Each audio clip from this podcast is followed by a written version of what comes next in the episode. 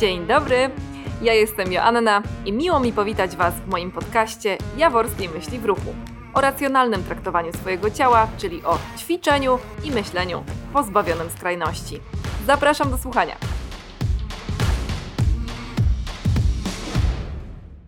Cześć, witam Was w kolejnym odcinku i porozmawiamy sobie dzisiaj o nieporozumieniach. Tak, słuchajcie, ostatnio pojawia się we mnie cały czas pytanie. Pytanie, ale dlaczego? Ale po co ktoś tak mówi?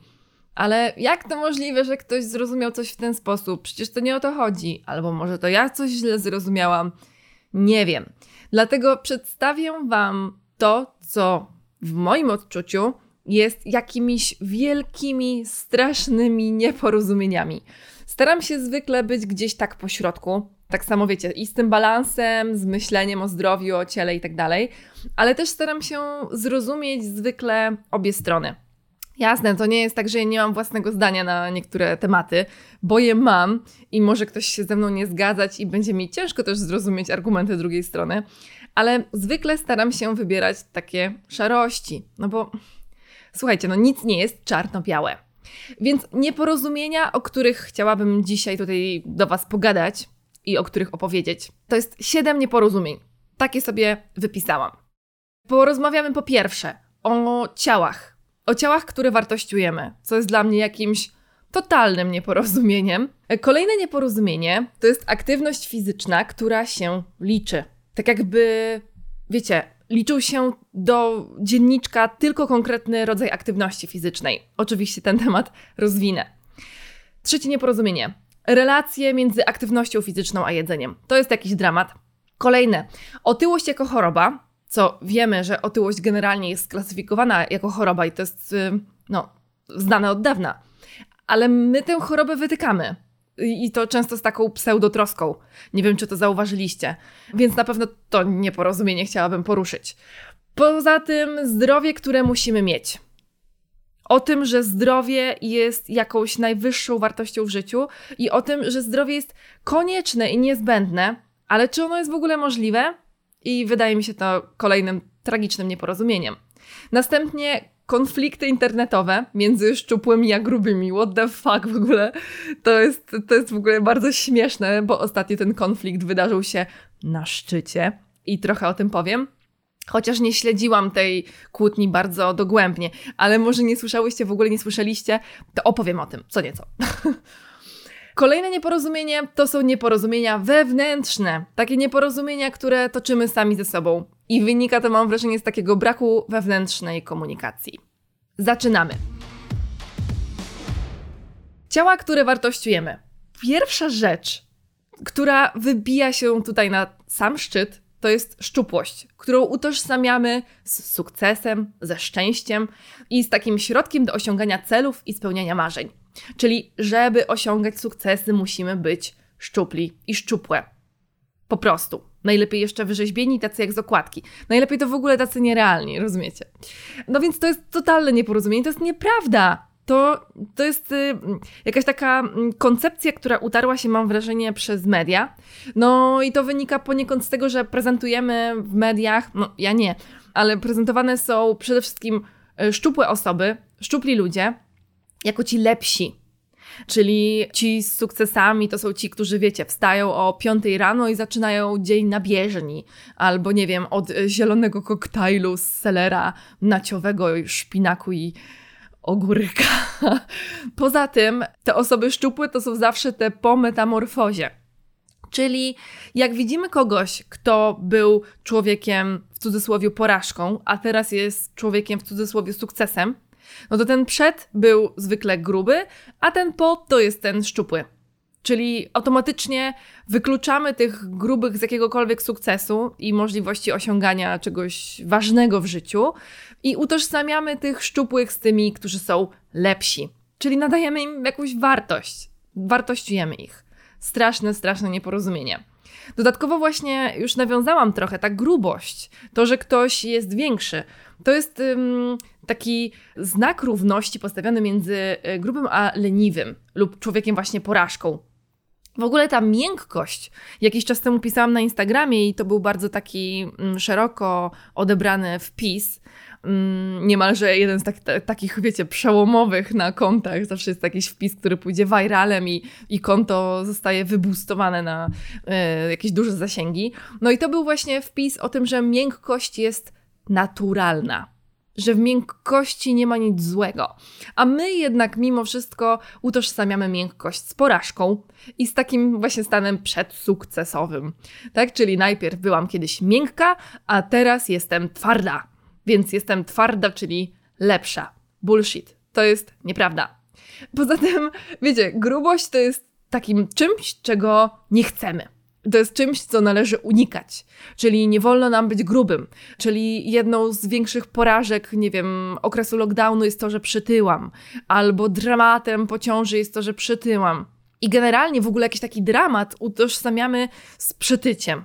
Tak jakby przytycie miało z góry świadczyć o tym, że nie wiem, straciłam kontrolę nad własnym życiem, albo że jest ze mną gorzej, że jest u mnie źle, że jestem, uwaga, słaba, no nie, nie, nie.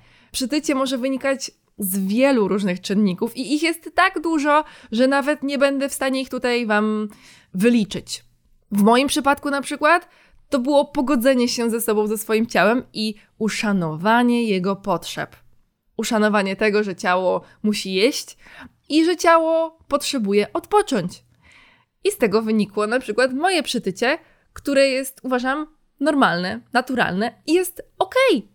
Nie musimy od razu jechać górnolotnie, że o, jesteśmy wszyscy piękni, jestem piękna, bo grubsza i w ogóle. Nie, to nie o to chodzi, bo to jest znowu nieporozumienie, to jest znowu jakieś wartościowanie. Nie, wszystkie ciała są ok. I nie musimy od razu właśnie wartościować na piękne, brzydkie i w ogóle nie wiadomo co. Po prostu są w porządku, są ciałami, są ludzkie. W ogóle grubym, nie wiem czy zauważyliście, e, trochę poruszyłam ten temat e, przy opisywaniu książki Obsesja Piękna, że grubi mają prawo co najwyżej być e, zabawni. I nie, nie, za bardzo mają prawo być inteligentni, no chyba, że to są grubi kujoni, ale generalnie to, to oni mogą być śmieszni, ale tak jakby trochę nie mieli prawa do romantycznej miłości i jakby nie mieli prawa do, wiecie, jakichś y, sukcesów na jakimkolwiek polu. No nie, no to, to jest jakieś totalne nieporozumienie, bo, bo, bo jak? nie, tak nie jest. Poza tym wartościujemy, kto jest lepszy, a kto jest gorszy, na podstawie tego, jak wygląda. Rozumiecie, że ona jest spoko, ona jest lepsza, bo ona właśnie, to poniekąd jest to, co powiedziałam, jest twarda, jest zdecydowana i ma kontrolę nad własnym życiem, jest szczupła, więc jest lepsza. Tamta jest gorsza, bo jest gruba. What the fuck? Nie, tak nie jest. Szacunek należy się wszystkim ciałom, wszystkim ludziom. Bo pamiętajmy, że ciało to jest poniekąd jakieś takie lustro naszej historii, e, tego, co się działo u nas w życiu. I to nie jest lustro tego, czy ja mam silną wolę i y, mam, umiem się powstrzymać przed zjedzeniem frytek, tylko to jest lustro tego, co się działo w całym moim życiu. To jest lustro mojego DNA, to jest lustro tego, co mi dali moi rodzice, tego jak mnie wychowano, tego jak sobie radzę ze swoimi emocjami, ale nadal ono nie jest do oceniania. Ono zasługuje po prostu na szacunek, bo mogło przejść naprawdę wiele i naprawdę trudne historie ma za sobą. Więc szacunek należy się wszystkim ciałom, ludziom i ich duszom, bo w tym ciele jest jakaś dusza, jest jakaś historia. Pamiętajmy o tym. Kolejna sprawa to jest yy, szczupłość szczupłość, która jest uprzywilejowaniem. I to jest w ogóle jakiś taki hot topic, mam wrażenie, bo nie rozumiemy, czy też dużo ludzi nie rozumie, przynajmniej tak mi się wydaje, tak jak obserwuję internet, ale to nadal jest moja malutka banieczka internetowa. No ale w tej mojej banieczce, jak widzę komentarze, to często dochodzi do takiego nieporozumienia na poziomie tego, czym jest uprzywilejowanie.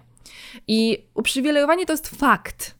To nie jest ocena że ja jestem uprzywilejowana, więc nie wiem, mam łatwo w życiu. To nie jest to, że mam łatwo. Ja po prostu mam trochę lepszy start.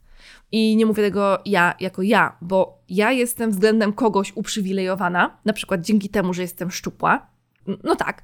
To, że wystartowałam w rodzinie, która y, dała mi jakieś takie podstawy i genetyczne, ale też i ekonomiczne do tego, żebym mogła się kształcić, rozwijać, jeździć do stolicy i tak dalej, i tak dalej.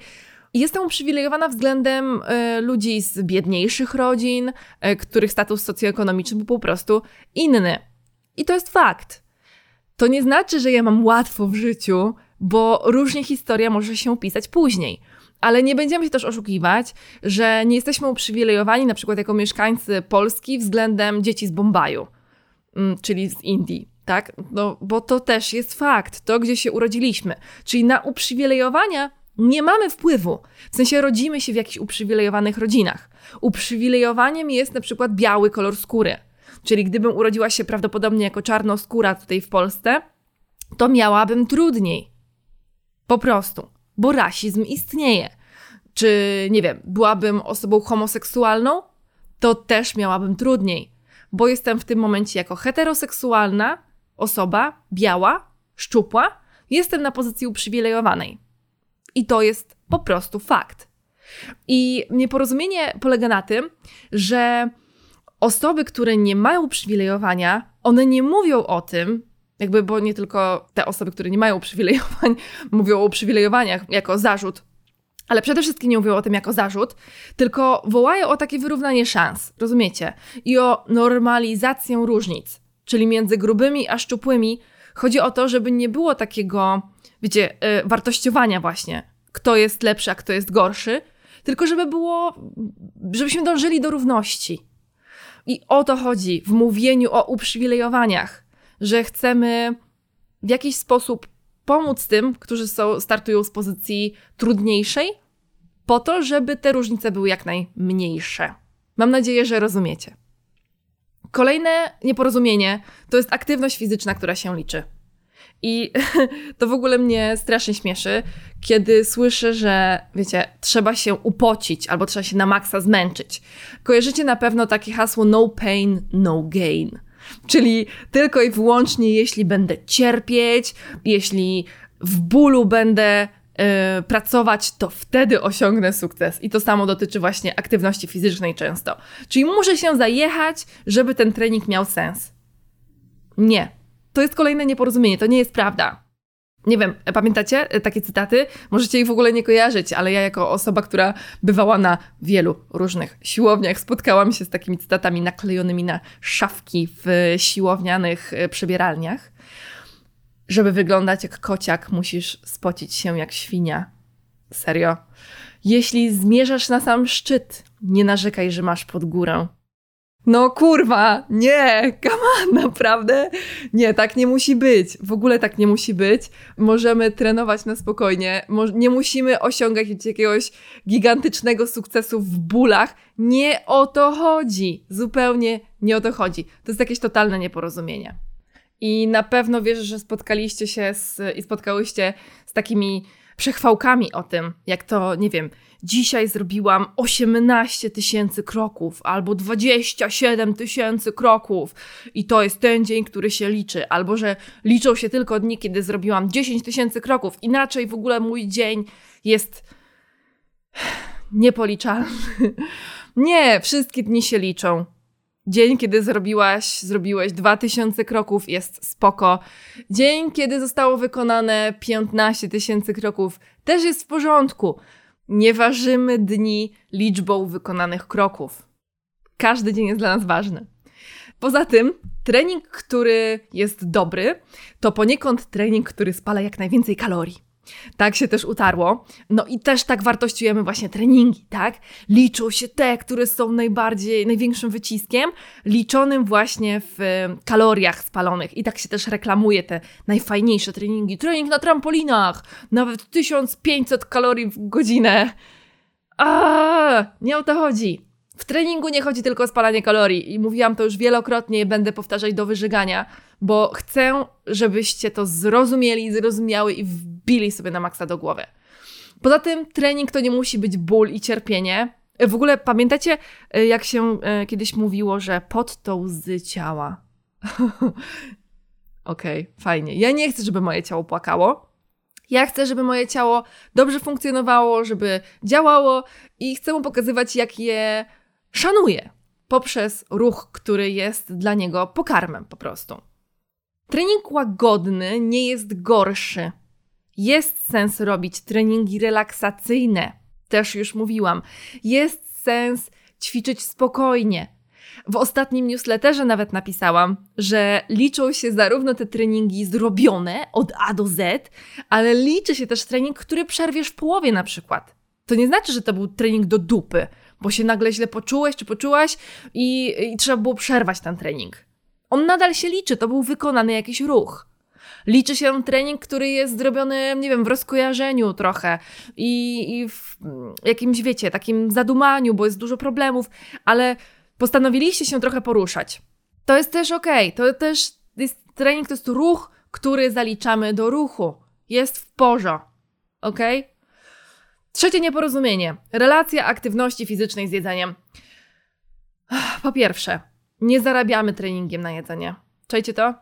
Zasługujecie, żeby jeść po prostu, bo jedzenie jest dla ludzi, bo jedzeniem karmimy swoje ciało, żeby mieć energię do życia, żeby mózg mógł pracować, żeby mięśnie mogły być wydajne, żebyśmy mogli oddychać, żebyśmy mogli kochać, spełniać swoje marzenia, przytulać i tak dalej. Musimy jeść. Jedzenie jest po prostu takim naszym no, przywilejem poniekąd, tak? To, że możemy jeść. Nie wszyscy mogą jeść. Niektórzy albo mają problemy alergiczne, przez co mają wykluczone wiele produktów, choroby, albo po prostu nie mogą jeść, bo są tak ciężko chorzy, że są karmieni mm, specjalnymi aparaturami. Rozumiecie? Jedzenie jest w porządku. Jedzmy. Jedzenie jest ok. I nie zarabiacie treningiem na jedzenie. Na przykład tak jak, nie wiem, przed świętami czy przed imprezą. Wiecie, że muszę teraz zrobić na maksa turbo ciężki trening, bo jutro się obeżrę na imprezie. Come on. Przede wszystkim nie obeżrę, tylko zjem więcej, co jest spoko. Po drugie, no, nie musisz zarabiać na to, żeby zjeść więcej, bo to poniekąd wywołuje w nas jeszcze taki mechanizm że mogę zjeść więcej, bo zarobiłam na to. I często w ogóle nie słuchamy nawet potrzeb naszego ciała. Może być tak, że już dawno jestem najedzona, albo mi się nie chce, albo mi w ogóle coś nie smakuje. A wpycham w siebie, bo mogę, w końcu mogę, bo zarobiłam na to. Nie. Jedzenie też nie jest nagrodą za trening. Rozumiecie? Czyli jakby poniekąd jest to to samo, bo zarabiam, żeby zjeść, ale czym innym jest, jeśli traktuję jedzenie jeszcze jako taką nagrodę i jedzenie może być przyjemnością, jest w porządku. Jedzenie generalnie w jakiś sposób nagrodą być może, tylko że może niekoniecznie za wykonany trening, bo to tylko prowadzi do zaburzeń odżywiania. Come on.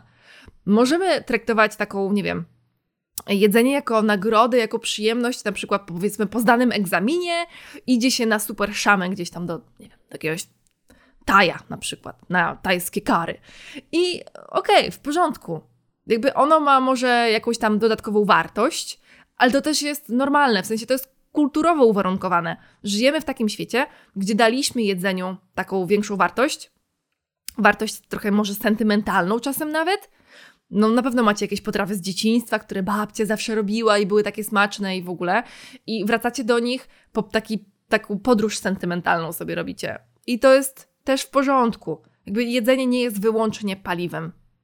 Poza tym trening też nie może być rozgrzeszeniem za grzechy żywieniowe. Mówiłam o tym w którymś z pierwszych odcinków. Nie istnieje coś takiego jak żywieniowy grzech. Jedzenie to jest jedzenie. Nie możemy popełnić grzechu jedząc. Jakby nie, nie, nie. Po prostu jedzenie to jedzenie. Nie możemy mu nadawać wartości grzechu, bo to tylko i wyłącznie wrzuca nas w wyrzuty sumienia. We wstyd. Po prostu wstydzę się, że coś zjadłam. Nie powinnam była czegoś zjeść, albo nie należało mi się. Nie. Zawsze należy ci się jedzenie i jedzenie nie jest grzechem i nie rozgrzeszamy się treningiem. Trening robimy z innych powodów, albo przynajmniej powinniśmy. Poza tym, e, wokoło treningu powstaje taka cała religia posiłków okołotreningowych. Nie wiem, czy tego doświadczyliście, ale takie posiłki okołotreningowe, które są jakieś specjalne. Specjalny posiłek przed treningiem i specjalny posiłek po treningu. I to jest w ogóle dla mnie strasznie śmieszne, biorąc pod uwagę takie trenowanie bardzo rekreacyjne. I ja rozumiem um, taką dezorientację odbiorców tych przekazów. Czyli, że na przykład, jeśli wy mieliście taką myśl kiedyś, że o Boże, to jaki ja teraz posiłek powinnam zjeść po treningu specjalny, to to często nie wynika z waszej, nie wiem, jakiejś głupoty czy niewiedzy, tylko wynika z tego, że jesteśmy wprowadzani w błąd przez komunikaty dookoła. Czyli pojawiają się nagłówki z idealnym posiłkiem potreningowym, tak, który wspaniale, nie wiem, uzupełni e, wszystkie mikro i makroelementy. Jeśli trenuję rekreacyjnie, robię jakiś trening dwa razy w tygodniu, trzy razy w tygodniu, rekreacyjny, spokojny, spaceruję albo nie wiem, zrobiłam przejażdżkę rowerem, to nie muszę jeść specjalnego posiłku. Wystarczy zjeść normalny, zbilansowany posiłek, tak jak jem na co dzień, tak jakbym zjadła. Jeśli mam za sobą bardzo intensywny trening, na przykład, nie wiem, jeździłam pff, 3 godziny na rowerze i zwiedzałam sobie jakieś tam mie miejsce, no to oczywiście mogę być trochę bardziej głodna, więc oczywiście zjadam trochę więcej. Ale nie dlatego też, że mi się należy, tylko dlatego, że po prostu moje ciało więcej potrzebuje, daje mi znać głodem, więc zjem trochę więcej. Tyle, po prostu. Zmiana żywienia, kiedy ćwiczymy. Kojarzycie ten schemat? Ćwiczę regularnie, wzięłam się za siebie, to teraz yy, jem czysto. W ogóle clean eating to jest takie.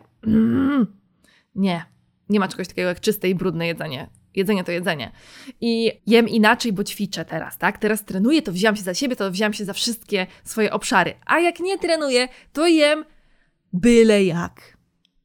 Słuchajcie, no to nie musi iść w parze. Jasne, to często tak działa mm, podświadomie. Czyli na przykład automatycznie mam ochotę na mniej przetworzone produkty, na mniej tłuste produkty, bo jestem w ruchu i to jakoś działa na poziomie podświadomości często. Ja to zauważam u siebie też, więc jakby wydaje mi się, że to jest dosyć normalne, ale jeśli robimy to z premedytacją, to ja bym trochę to zapalała lampę, czy też lampkę pomarańczową, taką kontrolkę, że to nie o to chodzi, że nie jest 0-1. Albo jem tak w cudzysłowie zdrowo i, i ćwiczę regularnie, albo jem w cudzysłowie niezdrowo i, i nie ruszam się regularnie to nie musi iść w parze. Często może, często się dzieje jakoś mimowolnie, ale dzieje się też czasem z premedytacją. Nie musi, to jest jakieś nieporozumienie totalne. Nie musi tak być. Kolejna rzecz dotycząca aktywności fizycznej, jedzenia i jeszcze w tym wszystkim odchudzania. No to wracam do tego, jak kiedyś ćwiczyłam i jadłam, bo to działało. Słuchajcie, jeśli do czegoś musimy wracać, to znaczy, że nie działało. Jeśli coś uznajemy za skuteczne, mimo że no jakby po drodze coś tam nie wyszło, że nie wiem, znowu wróciła moja masa ciała, albo straciłam tą formę zupełnie i teraz wracam do tego biegania, którego nie lubię, ale wracam, bo dzięki niemu schudłam, było skuteczne, to ono nie było skuteczne. Jeśli post Dąbrowskiej był super skuteczny, bo ja dzięki niemu schudłam 10 kilo, ale teraz mam znowu plus 15, więc wracam na niego, bo jest super skuteczny, to on nie był do cholery skuteczny, bo nie zadziałał długofalowo. Jeśli mamy pomyśleć o jakiejś zmianie, która ma być dla nas prozdrowotna przede wszystkim, bo tak głównie się tymi hasłami poruszamy, no to e, interpretujemy je w skali tego, jak długo to trwało czasie. Skuteczność to jest to, jak coś długo trwa. No i jeśli musimy wracać, to po prostu nie zadziałało, więc nie wracajmy do tego. Znaczy, że to jest zła droga dla nas.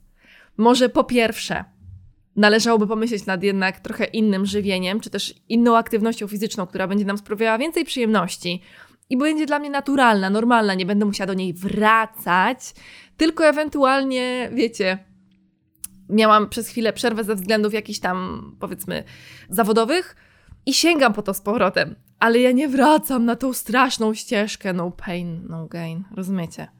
To jest raz. Druga sprawa jest taka, że może ta sylwetka nie jest dla mnie, którą osiągnęłam poprzez y, ten katorżniczy trening i tą super dietę warzywno-sokowo-owocową. Może to nie jest moja sylwetka, może to jest właśnie jakaś wielka krzywda, którą sobie wyrządzam. Czwarte nieporozumienie otyłość jako choroba. Czyli otyłość tak, jak najbardziej, jest klasyfikowana jako choroba, to już powiedziałam, ale nie mamy prawa jej wytykać tylko dlatego, że ją widać. Nie rozumiem, to jak ktoś ma, nie wiem, trądzik, to podchodzi i mówimy, o, ale masz trądzik, przestań jeść czekoladę, bo to pogarsza stan cery. A jeśli ktoś tak mówi, to to jest bardzo chamskie, burackie i tak się po prostu nie robi. Kolejna sprawa to są e, komentarze takie na Instagramie, je obserwuję.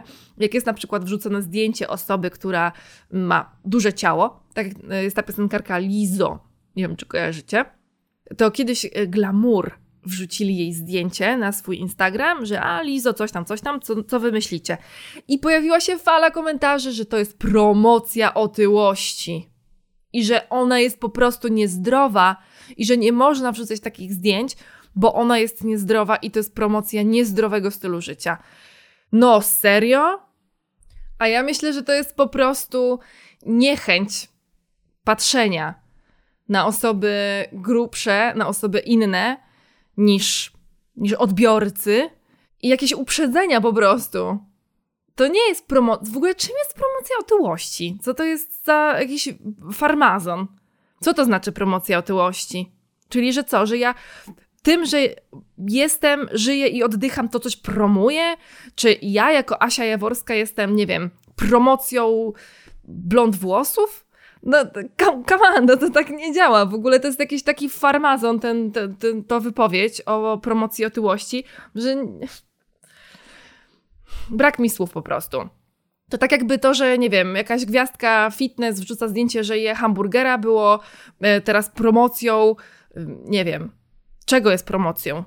Że je burgera z maka. No, come on. Nie jest niczego promocją, to jest po prostu stwierdzenie faktu. Tak samo jak to, że jakaś kobieta, która ma więcej ciała, jest po prostu, nie jest faktem promowania czegokolwiek. Poza tym, jest jedna bardzo ważna rzecz. Nie widzimy wyników badań tej kobiety. To po pierwsze. Okej, okay, możemy przypuszczać, że jej zdrowie nie jest na najwyższym poziomie, ponieważ tkanka tłuszczowa działa prozapalnie i to jest, to jest fakt. Tak? Jakby z tego powodu otyłość jest sklasyfikowana jako choroba. Ale to nadal nie daje nam prawa do tego, żeby pisać jej: Ej, jesteś chora, nie pokazuj się. Co? Serio? To jest jedno. Druga sprawa jest taka, że od razu wciskamy tą osobę w takie lenistwo i rozumiecie, leżenie na kanapie. Tak jakby zakładamy, że gruby to na pewno nic ze sobą nie robi. Co jest w ogóle kolejnym jakimś wielkim nieporozumieniem. Nie możemy zakładać, że osoba, która ma jakieś ciało, jakie ma, na pewno ćwiczy albo na pewno nie ćwiczy. Nie wiemy tego. Po prostu nie wiemy. I ja sama, jako trenerka, jestem świadkiem tego, że mam klientki, które przychodzą do mnie zaczynać trenować, które mają, powiedzmy, nie wiem, nadwagę, otyłość, whatever. I co? No i one trenują, no są regularne. Jakby to się nie dzieje tak za pstryknięciem palca, że nagle ciało się zmienia. To po prostu jest proces. Ale nadal nic nam do tego, w jakim ktoś jest procesie. I ma prawo oddychać, istnieć i żyć. W ogóle właśnie to udawanie, że kogoś nie widzimy, udawanie, że nie istnieją, że grubi w ogóle nie istnieją. I taki totalny brak inkluzywności. Czyli inkluzywność, czyli takie wsparcie i akceptacja tego, yy, że ktoś jest, i staranie się wydawać im równe szanse. Rozumiecie? Ja na przykład staram się być jako trenerka yy, bardzo osobą inkluzywną, bo widzę, że tego brakuje u nas brakuje tego na naszym rynku, przynajmniej ja się z tym spotykam. Jest brak inkluzywności, czyli zarzuca się od razu osobom y, z nadwagą, otyłością, cokolwiek, które przychodzą do trenerki, do trenera, że one muszą schudnąć. Jakby trener z góry zakłada, że człowiek, który przychodzi do niego, musi schudnąć, co jest y, tylko wspieraniem tego, że trening jest po to, żeby się odchudzać. Nie, nie jest po to trening tylko. I ważne jest, żeby nawet jeśli komuś zalecane jest ze względów zdrowotnych pozbycie się masy ciała w jakiś tam sposób. I ta osoba tego chce, jest zmotywowana, to inkluzywne podejście polega na tym, że chcemy spojrzeć na czyjś styl życia, na to, jak ktoś się żywi, jak ktoś się rusza i na tym się skoncentrować. Hej, słuchaj, a może byś spróbowała żywić się tak, a może byś spróbowała trenować tak, a może tak ruch, y, a może wprowadzić spacer, a co lubisz, co ci się podoba, a może pomyśl nad swoim snem? I tak dalej, i tak dalej. W sensie chodzi o brak komunikatu, jakby albo o unikanie komunikatu, schudnij, schudnij. Musisz schudnąć. Za gruba jest. Ile schudłaś? A ile ważysz? A kiedy się ważyłaś ostatnio? Chodź zmierzymy wody. Uuu, tu nic nie spadło. Tu spadło. Na tyłku spadło, ale w brzuchu nie spadło. Coś trzeba zrobić tu inaczej. Nie. To jest sprowadzanie człowieka do ciała. To jest złe. I to jest nieinkluzywne. Nie dajemy przestrzeni osobom większym na egzystowanie, wymagając od nich tego, żeby schudli. Bardzo brzydkie zachowanie. Nawet jeśli ktoś przychodzi regularnie na treningi, a na przykład nie chudnie, ale czuje się zajebiście, nagle wyniki badań się poprawiają, bo to też się dzieje mimo na przykład braku utraty masy ciała. Czuje się ktoś sprawniejszy, przestaje go boleć kręgosłup, lepiej funkcjonuje, ma lepszą kondycję. To już są realne sukcesy. I to jest ok. I to już jest wystarczający argument po to, żeby uczęszczać na treningi do trenera czy na zajęcia grupowe. Ta osoba nie musi chudnąć. I nie musimy się jej przypatrywać i na siłę mówić, o, chyba schudłaś. Mimo, że na przykład widzimy, że ktoś nie schudł. Bo może on w ogóle nie po to przychodzi. Rozumiecie? Ach. Kolejne nieporozumienie to jest zdrowie, które musimy mieć. I chodzi tutaj mi przede wszystkim o ten healthizm, o którym ostatnio trochę powiedziałam. Po polsku zdrowizm yy, tłumaczymy. I chodzi o to, yy, przeczytam Wam definicję. Yy, zdrowizm jest szczególnym rodzajem koncentracji na zdrowiu, które stanowi podstawę definiowania i osiągania dobrostanu. A jednostka może je sobie zapewnić przez zmianę stylu życia. Czyli mówi się o tym, że to zdrowie jest jakby taką własnością człowieka, za którą ponosi indywidualną odpowiedzialność. Ja mam swoje zdrowie w swoich rękach. Nie. Fascynujemy się dietą, fascynujemy się z tym, jaki mamy styl życia i świętujemy to zdrowie, wiecie, jakby było taką refleksją samodyscypliny i kontroli. I tak nie jest po prostu. Nie mamy wpływu na swoje zdrowie w 100% i nigdy nie będziemy mieli, bo bardzo dużo, jeśli chodzi o nasze zdrowie, zależy od właśnie genów, zależy od tego, w jakich warunkach dorastaliśmy, jakie mamy nawyki. Za dużo zależy od czynników zewnętrznych albo od czynników, na które nie mamy wpływu po prostu. Więc y, nie mamy zdrowia w swoich rękach. Nie sterujemy nim jak kanałami w telewizji, rozumiecie? Nie możemy być też w pełni zdrowi. W sensie to tak jakbyśmy zmierzamy do nieosiągalnego. Tak jak do tego super, yy, kurde, płaskiego brzucha i tyłka bez celulitu. To nie istnieje. Tak samo jak nie istnieje pełnia zdrowia. Nigdy jej nie będziemy mieli. Zawsze coś gdzieś będzie nie tak. Bo nasze ciało, nasze organizmy takie już są po prostu. Ludzkie. Ludzkie. Zawsze gdzieś są jakieś, wiecie, ubytki. I to jest normalne. To jest po prostu naturalne. I kolejna sprawa jest taka, że my nie musimy być w pełni zdrowi, w sensie takim, że traktujemy to zdrowie jako coś, co należy mieć, że czcimy po prostu to zdrowie. I tak jak w którymś odcinku mówiłam o tym, że życzymy sobie zdrowia, bo jest dla nas ważne społecznie i tak dalej, tak, tak, jakby jak najbardziej trzymam się tego i nie zmieniłam zdania nagle po trzech tygodniach. Nie, chodzi mi tylko o to, że to, czy chcemy dbać o zdrowie, to jest nasz wolny wybór. To jest nasza decyzja i nikt nie ma prawa nam wytykać tego, że nie chcemy na przykład dbać o swoje zdrowie. Czyli tak jak powiedziałam wtedy w tamtym odcinku o zdrowiu, to, że ktoś pali papierosa, to, to nie znaczy, że należy podejść do niego i mu wyrwać szluga z twarzy i powiedzieć: Nie pal, to jest niezdrowe. Rozumiecie? No, no nie, to jest jego decyzja, co z tym robi. I y, tak samo właśnie pisanie pod tymi y, właśnie zdjęciami osób otyłych że o, to jest niezdrowe i ktoś tam pisze, że a, co ci do tego, nie masz prawa komentować, to jest body shaming, fat shaming i tak dalej. I nagle ta osoba pisze, ale mi chodzi tylko o jej zdrowie. Tak jakby to dawało jej prawo do tego, żeby skomentować. Że ona, ta osoba, ten komentator w internecie nagle magicznie dba o zdrowie tej obcej dla niego osoby. Główno mu do tego. Nic go to nie powinno interesować, czy ta osoba jest zdrowa, czy nie jest i czy chce, czy nie chce być zdrowa. To jest tej sprawa. Internet jest na tyle wolną przestrzenią, że tak samo jak jest miejsce dla płaskoziemców, tak samo jak jest miejsce dla konfederatów, tak samo jak jest miejsce dla nie wiem, yy, lewicowców, dla Greenpeace'u, tak samo jest miejsce i dla chudych, i dla grubych, i dla nieważne jakich. I dla głupich, i dla mądrych, rozumiecie? Tylko szanujmy się. A takie komentarze nie są wyrazem szacunku. Mm. No. Boże, dużo emocji mam dzisiaj w tym odcinku, ale mam nadzieję, że to tylko Was zachęci, podkręci do jego wysłuchiwania. E, kolejna sprawa to jedzenie, które traktujemy jako lekarstwo, ale tak nie jest. Jedzenie nie jest lekarstwem. Jedzenie nie może nas, nas uzdrawiać. Są te mm, nazwy superfoods, no nie? Czyli super jedzenie, super uzdrawiające. Nie, jedzenie nie może nas uzdrawiać. Może poprawiać jakość życia. Sport może poprawiać jakość życia, ale nie uzdrawia. Sport to nie równa się zdrowie. O tym też pisałam w ostatnim newsletterze. No dobra, no a co to jest w ogóle zdrowe jedzenie? Czy wy wiecie, czym jest zdrowe jedzenie? Ja nie wiem, czym jest zdrowe jedzenie. Nie możemy powiedzieć, co to jest zdrowe jedzenie, bo każdy potrzebuje czego innego. I teraz powiemy, że zdrowe jedzenie to jest jedzenie nieprzetworzone. Czyli takie, tak jak się mówi, że najzdrowszą dietą jest ta dieta DASH albo dieta śródziemnomorska. Jakby ja rozumiem ideę, tak, że jest najbardziej zbilansowana, że mm, tłuszcze, węgle i tak dalej, że te osoby często są, mają najwyższy stan zdrowia, najlepszy stan zdrowia, które się tak żywią. Też jest um, jakiś czas temu oglądałam w takim programie z Zakiem Efronem na Netflixie, ale bardzo polecam. Nie pamiętam tytułu. Chodzi o to, że on podróżuje i pokazuje jakieś takie właśnie um, ciekawe. Um, ciekawe miejsce, ciekawych ludzi związanych właśnie z jedzeniem, ze zdrowiem i, i z kulturą i e, odwiedza Sycylię bodajże i tam są takie niebieskie strefy, gdzie ludzie żyją najdłużej. Co poniekąd może świadczyć, że są najzdrowsi, no bo, żyją najdłużej. No i oni właśnie żywią się tą dietą śródziemnomorską, są w ruchu cały czas, to jest bardzo ważne. Yy, przynajmniej spacerują jako ci stulatkowie, tam najwięcej stulatków, o, o to chodziło. No i, i, jasne, jakby ja rozumiem, że to może być klasyfikowane jako dieta najzdrowsza, ale pamiętajmy, że jest też coś, coś takiego jak zdrowie psychiczne. Przypuszczam, że ci ludzie na Sycylii na przykład nie żyją tak szybko, jak żyją ludzie w dużych miastach, tak jak na przykład ja żyję w Warszawie. Ja mam taki poziom stresu, że czasami jedzenie czy winko daje mi jakąś tam ulgę, odstresowuje mnie.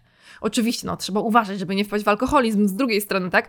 Ale mm, jakby ja akurat jestem bardzo na dalekiej drodze do tego, bo nie umiem pić alkoholu i robię to bardzo rzadko. Ale e, rozumiecie moją, e, to, co chcę powiedzieć, że nie możemy powiedzieć, że jest jedna najlepsza, najzdrowsza dieta dla wszystkich. To byłoby bardzo nieprawdziwe. Więc nie ma czegoś takiego jak zdrowe jedzenie. Jedzenie to jest jedzenie. Dla każdego co innego. No właśnie. Kolejne nieporozumienie, szóste. Ja się rozgadałam, e, na moim liczniku jest 40 minut już niemalże, ale mam nadzieję, że wybaczycie mi. Słuchajcie, a chcę powiedzieć o, o nich wszystkich. Kolejne nieporozumienie to jest konflikt internetowy między szczupłymi a grubymi. W ogóle to jest niesamowite, ten konflikt na szczycie był między mamą ginekolog a Ewą Chodakowską.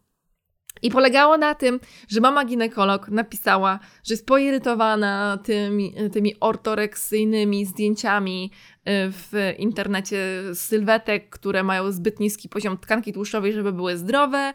Ja bardzo upraszczam teraz i, i mówię po swojemu tą treść. I że ma tego dosyć i zaprezentowała swoją sylwetkę, która jest nieinstagramowa w cudzysłowiu. Y, no i Ewa Chodakowska na to jej odpisała. Kocham cię, ale wiesz, że e, kocham cię, ale coś tam, wiecie. I czy, powinnaś napisać kochana. No ale generalnie wiecie o co chodzi. Chodzi o to, że Ewa Chodakowska broniła tego, że wysportowane ciała mają prawo mieć niższy poziom tkanki tłuszczowej, są zdrowe i w ogóle jakby ten konflikt jest z dupy z obu stron.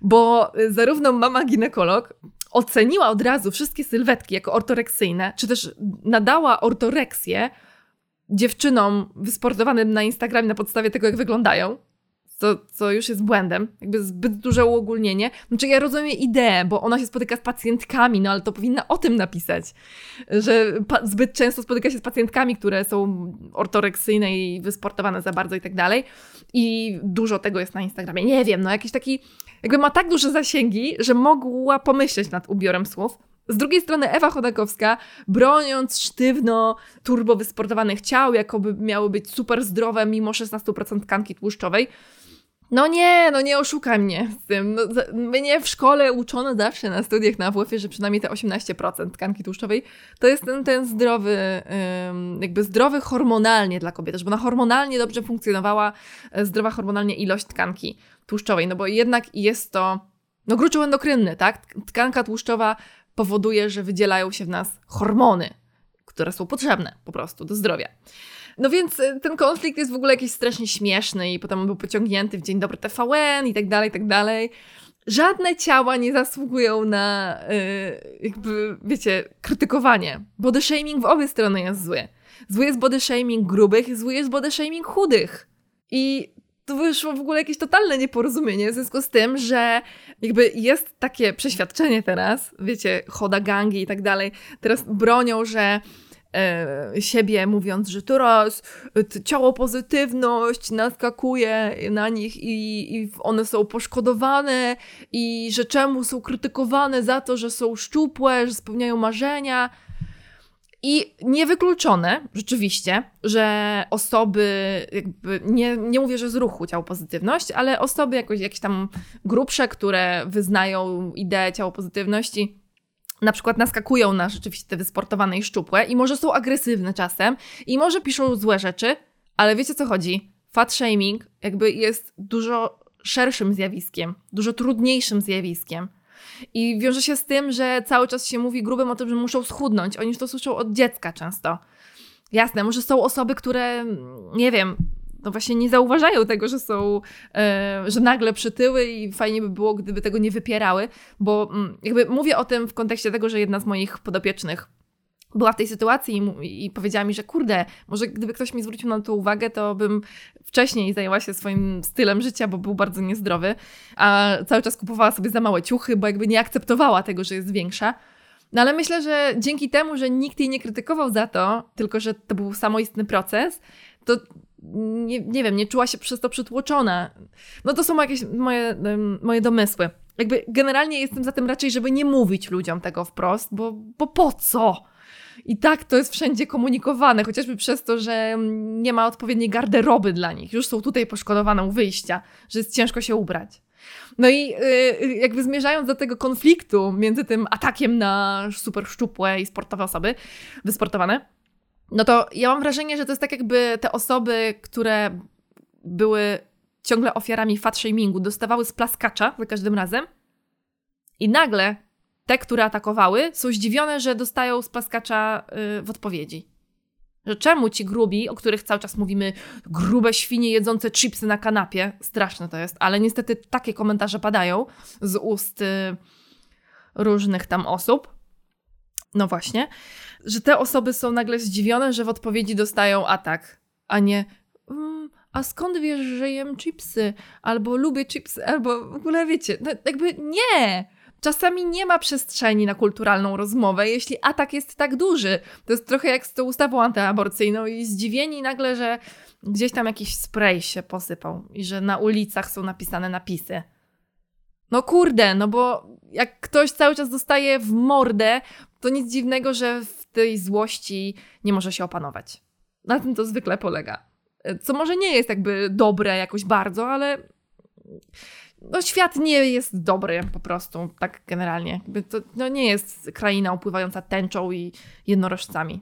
Come on. Więc generalnie jakimś wielkim nieporozumieniem jest to, że jest jakiś tutaj konflikt między tymi wysportowanymi a grubymi. W ogóle what the fuck.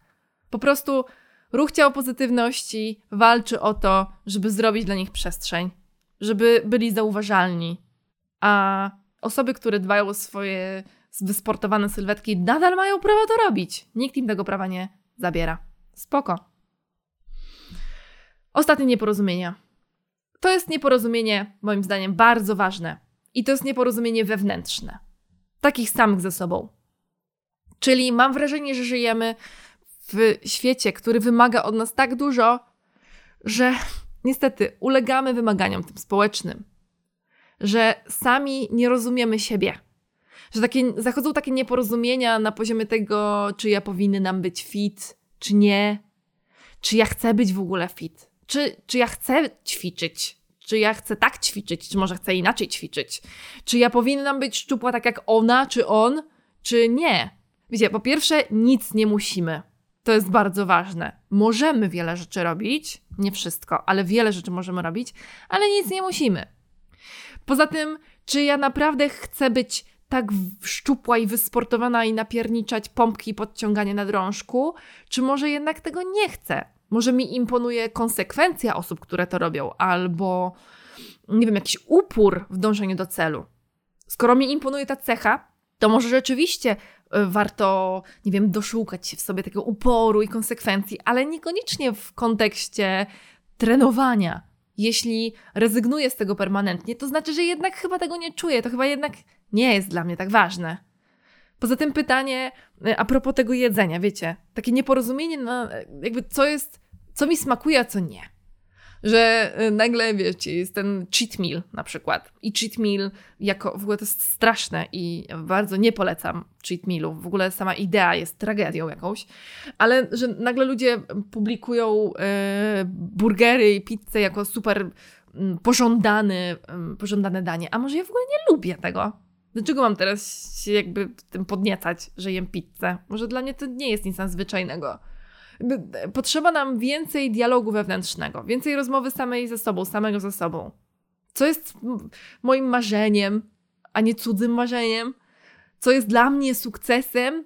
Może dla mnie jest bardzo ważny spokój, może dla mnie jest ważna relacja rodzinna, może dla mnie nie są ważne pieniądze, a może odwrotnie. Może ja chcę mieć dużo hajsu i może mam w dupie relacje społeczne, też mam do tego prawo. Wiecie, co mi się podoba, jaki ruch mi się podoba, już będąc przy tej aktywności fizycznej. Jaki ruch ja chcę wprowadzać w swoją codzienność, tak żeby być rzeczywiście skuteczną, żeby czuć się z tym dobrze. Taki ruch dla siebie, dla swojej przyjemności i dla wspierania swojego zdrowia, a nie dla zdjęć na Instagram i satysfakcji innych. Bardzo to jest istotne. Okay. chciałabym tym samym zakończyć tą niagarę nieporozumień. Zatrzymać ten szlauch, zakręcić kurek. Albo zostawić takie, taką sączącą się wodę w postaci waszych przemyśleń na temat tego, co powiedziałam. E, bardzo jestem ciekawa Waszych komentarzy, więc zachęcam do tego, żebyście napisali do mnie jakieś maile w odpowiedzi na te nieporozumienia. Ale zostańcie, zostańcie jeszcze, nie uciekajcie. E, w kontekście tego ostatniego podpunktu nieporozumień wewnętrznych, jestem w trakcie przygotowywania dla Was czegoś wyjątkowego, wspaniałej rzeczy i mam nadzieję, że wzrośnie w Was yy, zainteresowanie. Słuchajcie, robię dla Was coś bardzo przełomowego dotyczącego wprowadzania aktywności fizycznej w swoje życie, tak w zgodzie ze sobą, regularnie, dla własnego i zdrowia, i samopoczucia, bo aktywność fizyczna jest do cholery ważna. Ale chodzi o to, żeby była też przyjemna, żeby ona była taka wspierająca, a nie atakująca i presyjna. Więc tworzę dla Was coś bardzo wyjątkowego. Niedługo będę mówiła o tym dużo, dużo więcej, ale mam nadzieję, że, że skorzystacie, bo to będzie naprawdę ekstra. Wkładam dużo, dużo serducha w to. Różne nagrania, ćwiczenia. Fajnie będzie. Zapraszam Was serdecznie do, mail, do pisania do mnie maili na podcast małpamyślwruchu.pl, na Instagram Myśl w Ruchu oraz Facebook Myśl w Ruchu Janna Jaworska. Dziękuję Wam bardzo i życzę Wam, żeby nie było nieporozumień albo jak najmniej. Pa!